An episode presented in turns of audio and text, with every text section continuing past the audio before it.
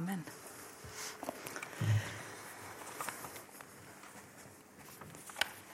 Vi må bare gjøre oss litt klar. Jeg har manus med meg i dag. Det må vi nesten når vi skal være to, for det er jeg veldig snakkesalig. Og Katrine er ikke så verst, hun heller.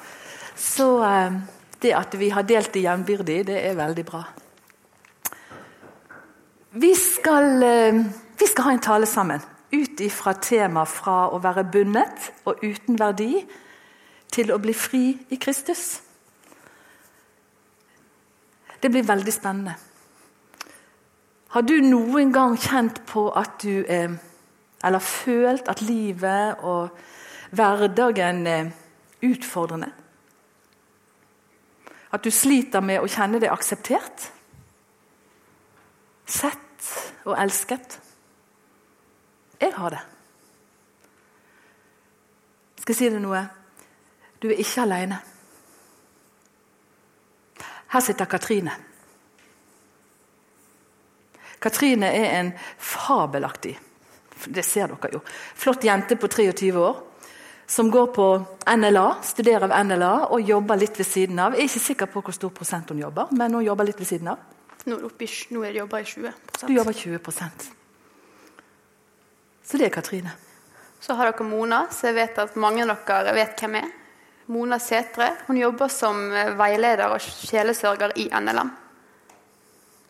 Mm. Og hvorfor står ikke vi på talerstolen, som er vanlig? Eller sitter på en barkrakk, som er vanlig? Um, Katrine altså Barkrakk Jeg sitter ikke til det til daglig, men, um, men jeg sitter gjerne på barkrakk sånn foran en når den skal være veldig kul. Men vi har, en, vi har Disse stolene betyr mye. Har vi sittet i disse før, Katrine? Det har vi. Veldig mange ganger. Jeg husker ikke så veldig mye av det. Eller jeg husker deler av det, men det er veldig mye jeg ikke husker. Eh, men det var et tilbud fra NLM, eh, hvor jeg jobber som ung arbeider. Men det var veldig lite snakk om eh, jobben, da, som vi egentlig skulle snakke om. Og Hva gjorde at ikke vi ikke holdt oss til det som vi skulle? Arbeidsveiledning? Jeg nevnte vel det at jeg var sliten. At jeg var veldig sliten. Mm. Jeg husker, Dette er tre år siden.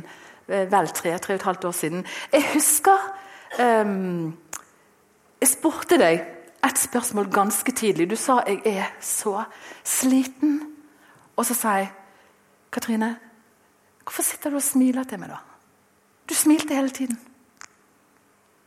Og så ante du ikke svaret. Men jeg skjønte etter hvert at det var Katrine sin overlevelsesstrategi.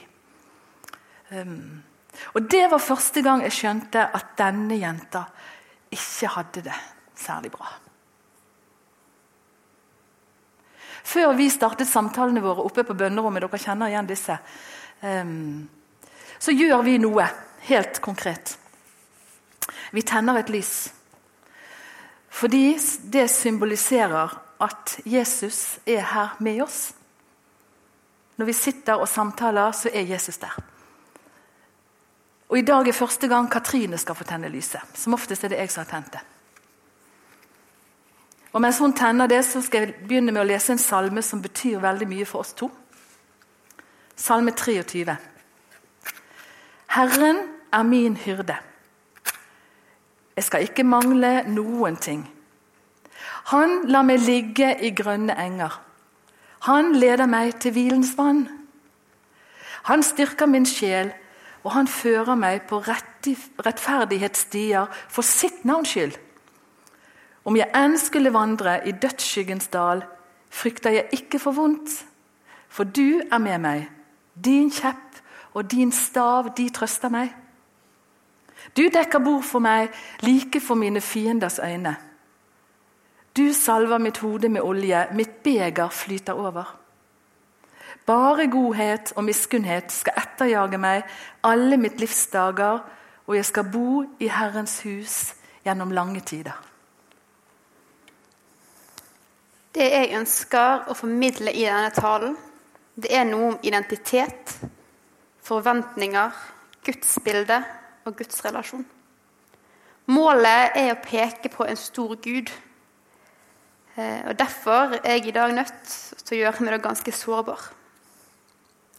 I dag så kan jeg sitte her og si Herren er min hyrde. Jeg mangler ingenting. Han lar meg ligge i grønne enger. Han fører meg til vann hvor jeg finner hvile.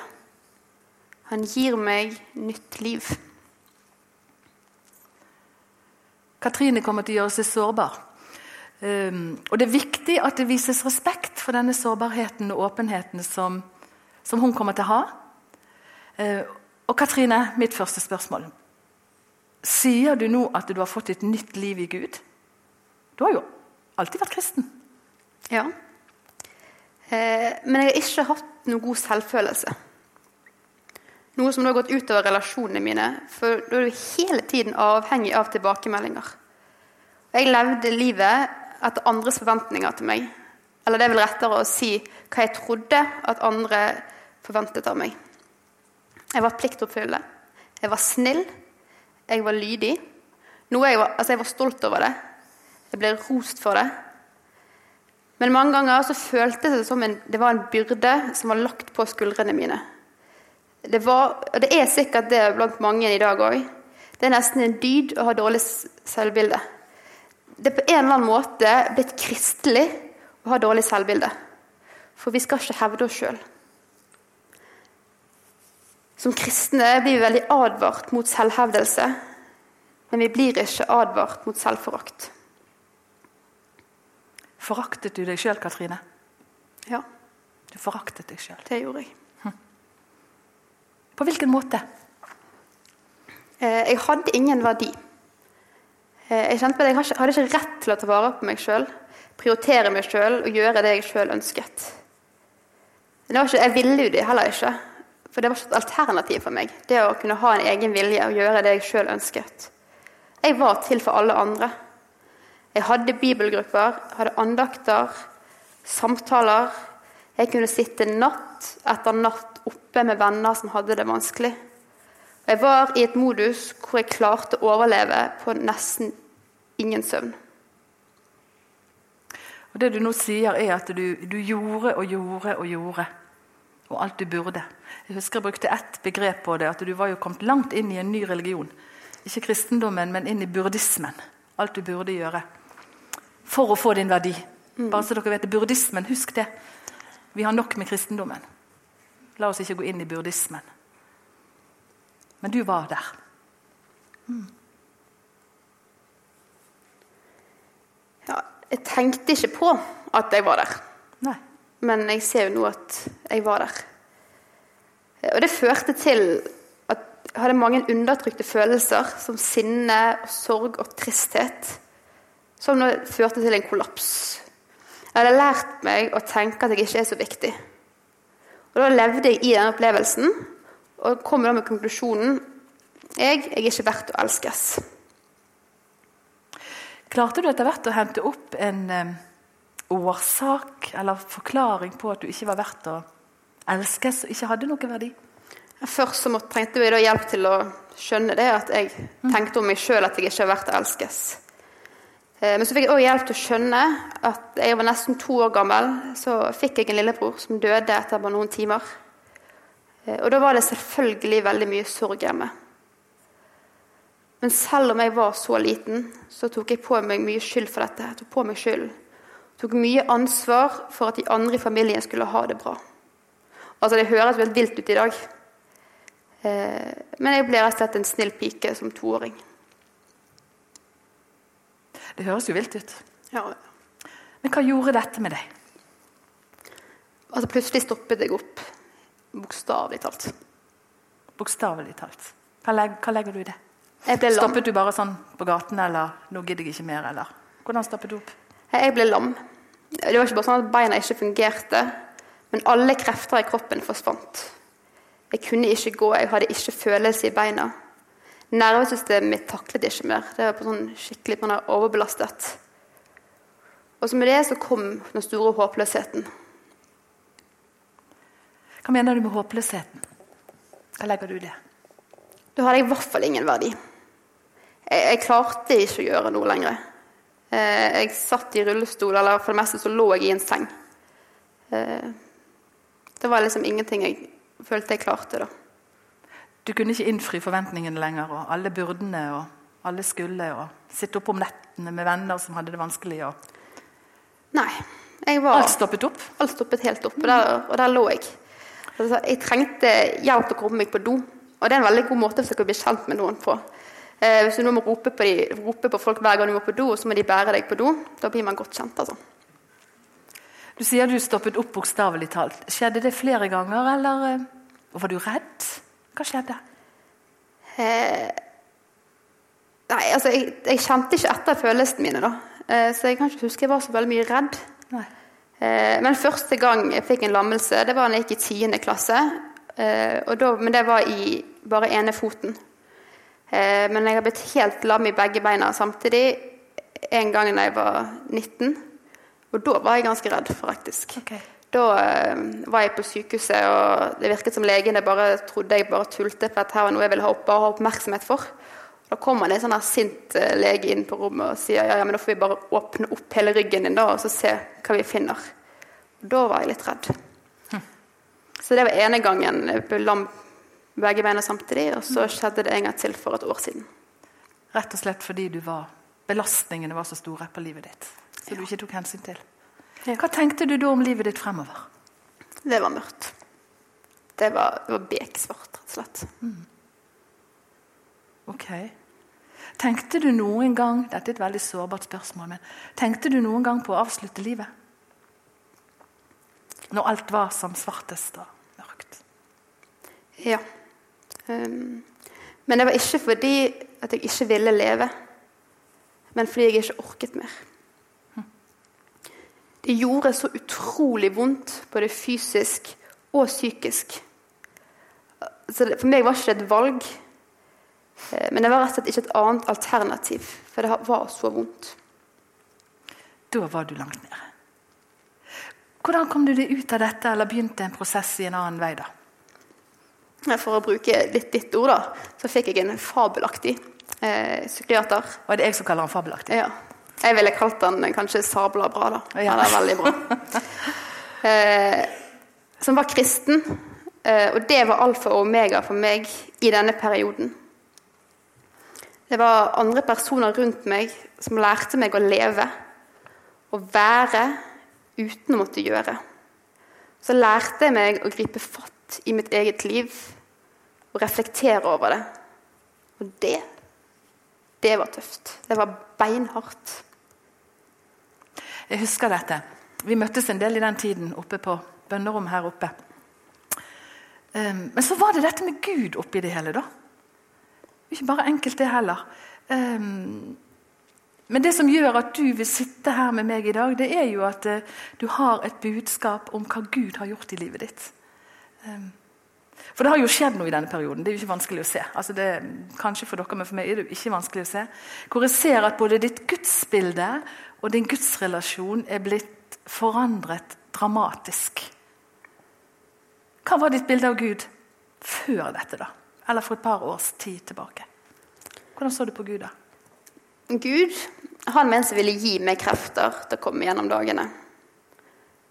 Men da jeg ikke klarte å komme gjennom dagene, så måtte jeg stille meg spørsmålet, sånn som Jeremia gjorde i kapittel 15. Stilte spørsmålet har jeg ikke tjent deg, Gud. Hvorfor er min smerte uten ende og såret mitt uhelbredelig? Troen min har vært teoretisk. Den har sittet i hodet.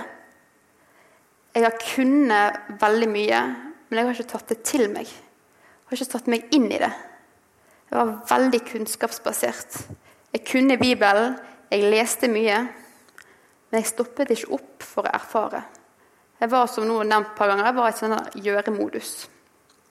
Gud han var noe jeg behersket, noe jeg hadde kontroll på.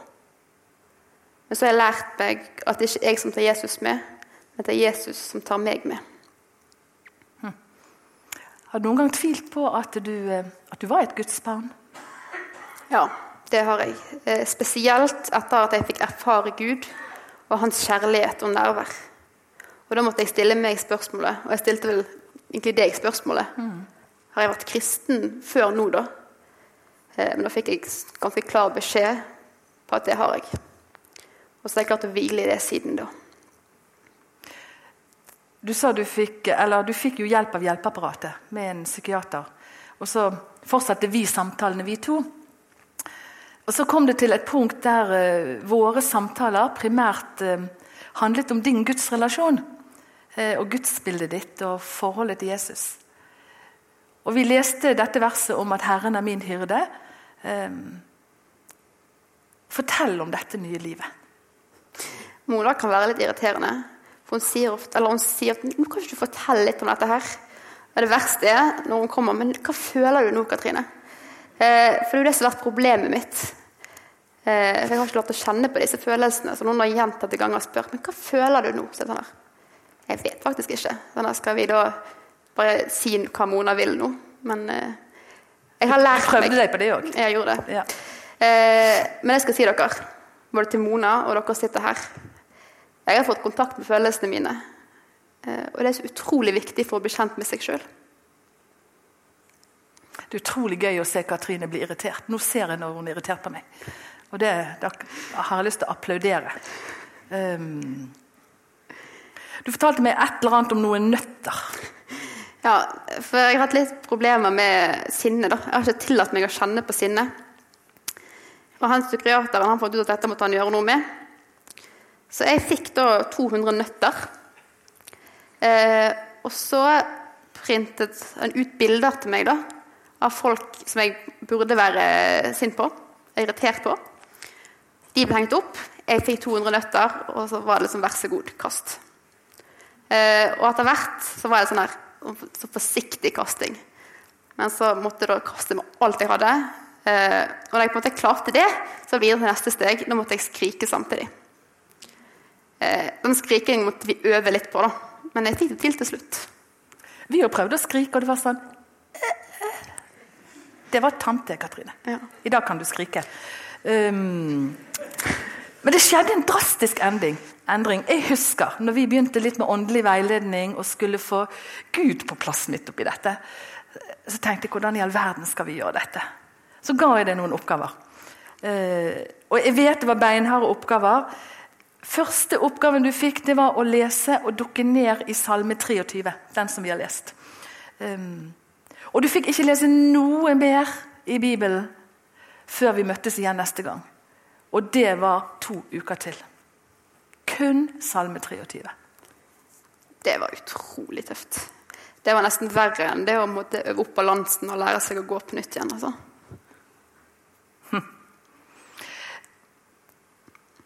Jeg visste det. Men um, du fikk oppgaven likevel fordi jeg visste. Og Egentlig hadde jeg jo håpet at ikke du klarte å holde deg til det. og bare lese den salmen. Uh, men jeg visste du var så pliktoppfyllende. At når du fikk en beskjed, og i hvert fall av noen som var litt sånn voksne og litt eldre og myndige og mammalignende greier, um, så ville du gjøre det. Men det var målet mitt. At du skulle gjøre det. Hva skjedde? Hva skjedde da, Katrine? Du leste den. Nei, Da fikk jeg òg en ny salme etter hvert. Salme 8. Mm. Og da kom jeg ut til deg på Sotra strålende.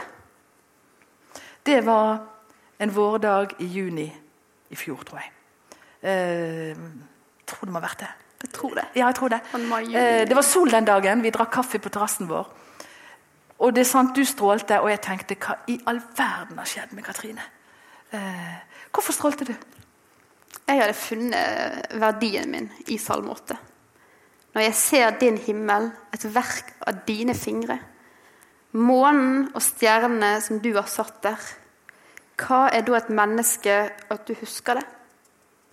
Et menneskebarn at du tar deg av det? Og da er på en måte, Hva sier Bibelen? Hva sier Gud om mennesket? Gud skapte mennesket, og sa at det var overmåte godt. Når han skapte himmelen, månen og stjernene og alt det fantastiske vi ser rundt oss, så sa, sa han at det var godt. Men når han skapte mennesket, så sa han det er overmåte godt. Gud førte meg opp fra fordervelsens grav, som er en annen salme jeg eh, fikk litt seinere. Og så er det en tredje salme som har betydd veldig mye for meg, og det er salme 62. Og Der har jeg også lese noen vers for dere. Fra Salme 62. Bare hos Gud er jeg stille. Fra Han kommer min frelse. Bare Han er min klippe og min frelse og mitt vern. Jeg skal ikke vakle. Bare hos Gud skal jeg være stille. Fra Han kommer mitt håp. Bare Han er min klippe og min frelse og mitt vern. Jeg skal ikke vakle. Hos Gud er min frelse og min ære, min mektige klippe. Min tilflukt er hos Gud. Stol alltid på Han, dere folk. Øs ut deres hjerte for Han. Gud er vår tilflukt.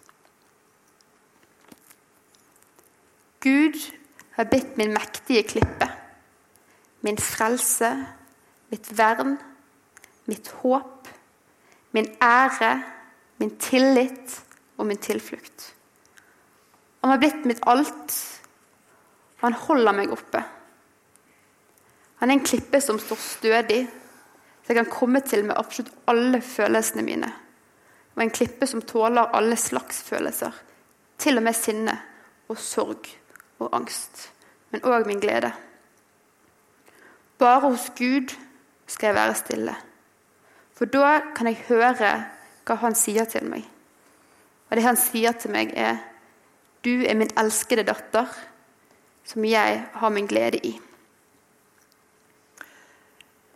Nydelig å høre. Men, men hva ble fellesnevneren da i alle disse salmene? Jeg tror ikke jeg tenkte sånn som du kom til en konklusjon. Fasit. Hva var fellesnevneren for deg i disse salmene? Salmene var ikke sånne gjøresalmer, men det var salmer om Guds storhet. Det er Han som lar meg ligge i grønne enger. Jeg trenger ikke bevege meg. Og det sier du, som lå lam? Når jeg er hos Gud, så trenger jeg ikke bevege meg. Han plasserte føttene mine på, på fjell. Jeg trenger ikke å streve. Jeg ble fri. Virkelig, virkelig fri. Identiteten min i Jesus ga meg trygghet og styrke. For I møte med Gud så trengte jeg ikke være sånn jeg trodde alle andre ville jeg skulle være. Jeg kunne være hun som han ville jeg skulle være. Vi er skapt av Gud alle sammen, så ytre suksess vil aldri være godt nok for hjertet. Men jeg fant min virkelige identitet hos Gud. Og der var jeg nok. Og det ga meg energi. Utrolig mange stemmer i verden som sier 'gå ut og vis at du er noe'. Jeg måtte bytte ut de stemmene med Guds stemme. Du er min elskede datter, som jeg har min glede i. Det å ha den tryggheten å vite at man er høyt elsket av Gud uansett. Da betyr det ikke hva andre synes. Men det er jo sånn med oss mennesker at vi bryr oss hva andre tenker. Men jeg kom til et punkt hvor det ikke var like viktig som hva Gud synes. Hva Gud sa om meg, var det viktigste, og det var en utrolig trygghet. Å stå rotfestet og grunnfestet i at Jesus elsker meg uansett. Hos Jesus trenger jeg ikke hele tiden lete etter hva andre forventer av meg. For der, der kan jeg være meg sjøl. Hos Jesus er det hvile å få, selv på dager hvor jeg ikke makter å gjøre noe. Og jeg er fri til å lese i Bibelen. Det er ikke noe jeg på en måte bare skal sjekke av så jeg har gjort det. Eh, men jeg måtte òg lære meg at en skal tjene Gud med den styrken en har. Slik det står i 1. Peter. Det er noe som ikke er som det skal når man ikke orker å gå i kristne sammenhenger, for det er hele tiden noe å gjøre. Jeg får høre hva en burde ha gjort. Alltid noe man kan bruke, bruke både tid og energien sin på. Men samtidig så er det kristne fellesskapet oppbyggelig. Det å ha en tjeneste er viktig, og det er med på å inkludere, og det bidrar til en fellesskapsfølelse. Et kristent fellesskap skal være et sted hvor en har lov bare til å være i de periodene i livet det er nødvendig. For det trenger vi alle innimellom. Men det må for all del ikke bli en hvilepute. For vi er kalt til å tjene hverandre med de gavene vi har fått. Og da jeg da begynte å bli litt bedre, så måtte jeg lære meg å takle alle disse kravene og spørsmålene inn i kristne sammenhenger. Lære deg å takle det. Hva, hva verktøy du vet Jeg er jo så glad i å snakke om verktøy. Hva verktøy brukte du da i verktøykassen? Eh, da måtte jeg sånn, gå tilbake til det basice som vi begynte med. Med salmene og Den bortkomne sønnen har vært veldig viktig for meg. Jeg måtte tillate meg å være sliten fremdeles og måtte akseptere og skjønne det at jeg var ikke nødt til å si ja til alt med en gang. Mm. Og det kan ofte se ut som alle de andre har det bra. Det var jo det du òg tenkte, eller du reflekterte ikke. Sånn var bare livet. Um, men jeg tror og jeg vet at sånn er det ikke. Det har vi òg snakket mye om. Um, du var i et mønster, Katrine. Og det tar jammen um, tid å endre. Vi, har snakket mye om at du var i en rundkjøring. Og Du kjørte så fort at du ikke sjans å finne en vei ut av rundkjøringen. Det gikk rundt og rundt, fortere og fortere, i en spiral. Når du kom til toppen, holdt på å si, hvis du tenker spiral, så raste du ned igjen. Det tar tid å endre en vane som man har hatt i over 20 år. altså. Så da måtte jeg begynne å stille meg spørsmålet hva vil Gud at jeg skal gjøre? Mm. Jeg er så glad du stiller det spørsmålet. For noen år siden Katrine, du har vært uh, kjempeaktiv. Det har jo du sagt noe om. Men du spiller piano, du hadde andakter, du var leirleder. Du stilte opp for mennesker, du samtalte med mennesker, sånn hobby-sjelesørger. Um, du gjorde innmari mye. Men du hadde òg glede i det. det kan, Eller hadde ikke du det? Altså, vet, det var en konstatering, men kanskje jeg, ikke hadde det. Jeg vet jo ikke helt, for jeg kjente egentlig aldri etter. Det var de følelsene hun ikke visste, nei. Ja. Ja. Mm. Men i dag kjenner du etter? Det gjør jeg. Mm. Men hva gjør du i dag, da? Jeg har ikke det behovet for å være fremme og spille piano og ha andakter. Selv om jeg gjør det av og til sånn som i dag, og jeg stortrives med det. Men i dag sitter jeg heller på bakerste benk og tolker, eller kommer tidligere og setter på kaffe. Du sier dermed at du tillater deg sjøl å komme i kristen sammenheng uten å gjøre noe som helst og få være der og ta imot i Guds nærhet? Ja, det er utrolig deilig. Så glad for å høre det, Katrine. Um, jeg vet òg at vi har snakket mye om skyld og skam. Et annet stort tema som er vanskelig. Um, og det med at hvis du er skyld i noe eh, så um, Du snakket tidligere om at du tok på det som din skyld og måtte ta ansvar for mange. Eller du tok det på deg. Ingen ga deg det. Um, men skammen, derimot, den uh, bærer du på mye skam, så, så, blir det en følelse av at du er feil. Og du bar litt på den følelsen av at ikke bare du gjorde feil, men at du var feil. Um, det har du kjent mye på. Har du kommet ut av det? Eller? Ja. Ja. Hva skjedde da? Gud har virkelig fjernet både skammen og skyld fra meg. Som jeg fysisk prøvde å skjule meg fra. Fysisk prøvde å gjemme meg vekk. Hvordan, eh, hvordan har fjernet Gud skammen fra livet ditt? Han viste meg hvem jeg er. Men han viste meg hvem han var. Viste meg verdien av hvem jeg er var det òg at du, kunne Nå legger jeg ordene i munnen på deg. At du kunne tillate deg å være sårbar og ærlig overfor Gud? At han fikk tankene dine og følelsene dine? For det kan jo ikke du ha gjort så mye av før når ikke du helt visste hva du verken tenkte eller følte. Det, det sier jeg ja, med store bokstaver. Eh, jeg så virkelig at jeg var Guds elskede datter. Og så trodde jeg på det. Eh, når jeg begynte å kjenne etter på disse følelsene mine, da òg var jeg redd. Mm. Det var skummelt at jeg skulle kjenne på følelser som man tenkte at er feil. Eh, men følelser som sinne, sorg, skyld og skam alt dette, det er Alle kjenner på dem i livet. Det er menneskelig å kjenne på dem. Men det jeg syntes var ubehagelig. Men da kom Gud og viste meg hvem han var, og hvem jeg var. Og fjernet både skyld og skam. Så levde jeg i det. At jeg var skapt i Guds bilde.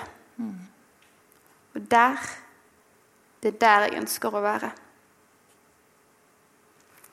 Det er et sted jeg ikke ønsker å komme meg vekk fra. Han er glad i meg. Gud som har skapt alt og alle, er glad i meg. Akkurat sånn som jeg er, sånn som jeg har det, og akkurat med den styrken jeg har. Det er nå vi skal si halleluja, selv om vi er i salen. Det er For meg som har kjent Katrine i så mange år, så det er nesten sånn at jeg ikke tror det er sant at hun sier det. Vi har en mektig Gud som virkelig har snudd deg på hodet opp ned. Det er rart du ikke har fått krystallsyke og blitt svimmel. For dette har vært gedigne endringer. Um, hører du vitnesbyrdet? Våge sårbarhet og ærlighet. Våge å snakke med Gud om alle sider av livet. I samtaler som sjelesørger så møter jeg veldig mange som aldri har våget å være ærlig med livet sitt. Men det at Gud hører og lengter etter å ta imot det du vil si han, eh, som Katrine har gjort, fortalte han akkurat hvordan hun har det, så han fikk lov å endre hun, og Dere må bare ikke tro det er så enkelt som det liksom er blitt sagt. Det har ikke vært sagt enkelt, Katrine, men det har vært beinhard jobbing. Med mange på lag. Vi skal gå til forbønn nå, eh, eh, eller gi tilbud om forbønn nå når vi er ferdig. Eh, det er så flott at Gud hører alt. Og jeg syns det er noe fantastisk over alle følelsene vi har, at når jeg ler, og Kristus lever i meg, så tror jeg han ler og fryder seg over det. Når jeg gråter, og Jesus lever i meg og vet akkurat hvordan jeg har det, så tror jeg han gråter med meg og deg. Fryder seg over deg, sa du. Um, se for deg Jesus når han går til graven med Lasarus. Og Når han ser de som står der og gråter, så, Jesus, nei, så gråter Jesus. Det står 'Jesus gråt'. Um, enda Jesus visste at han om et lite øyeblikk skulle vekke Lasarus opp fra de døde. Han kunne jo bare sagt 'vi trenger ikke gråte', for Lasarus skal komme ut av graven og bli levende igjen. Og Det sier meg noe om Jesu medynk med de følelsene og de opplevelsene vi har i vårt liv de følelsene og opplevelsene Katrine har hatt i sitt liv. Og kan si at nå beveger hun seg i Gud. Det er der hun lever og ånder og er til. Du skal få lov å komme til forbund og be sammen med en av forbederne som er her. Og Jeg tror vi går rett på det nå etter talen. Takk for oss. Takk, Katrine, at jeg fikk lov å har fått lov å følge deg i disse årene. At du hadde, det er ikke jeg som har tvunget henne til å sitte her. Eh, at hun ville formidle dette til dere. Takk.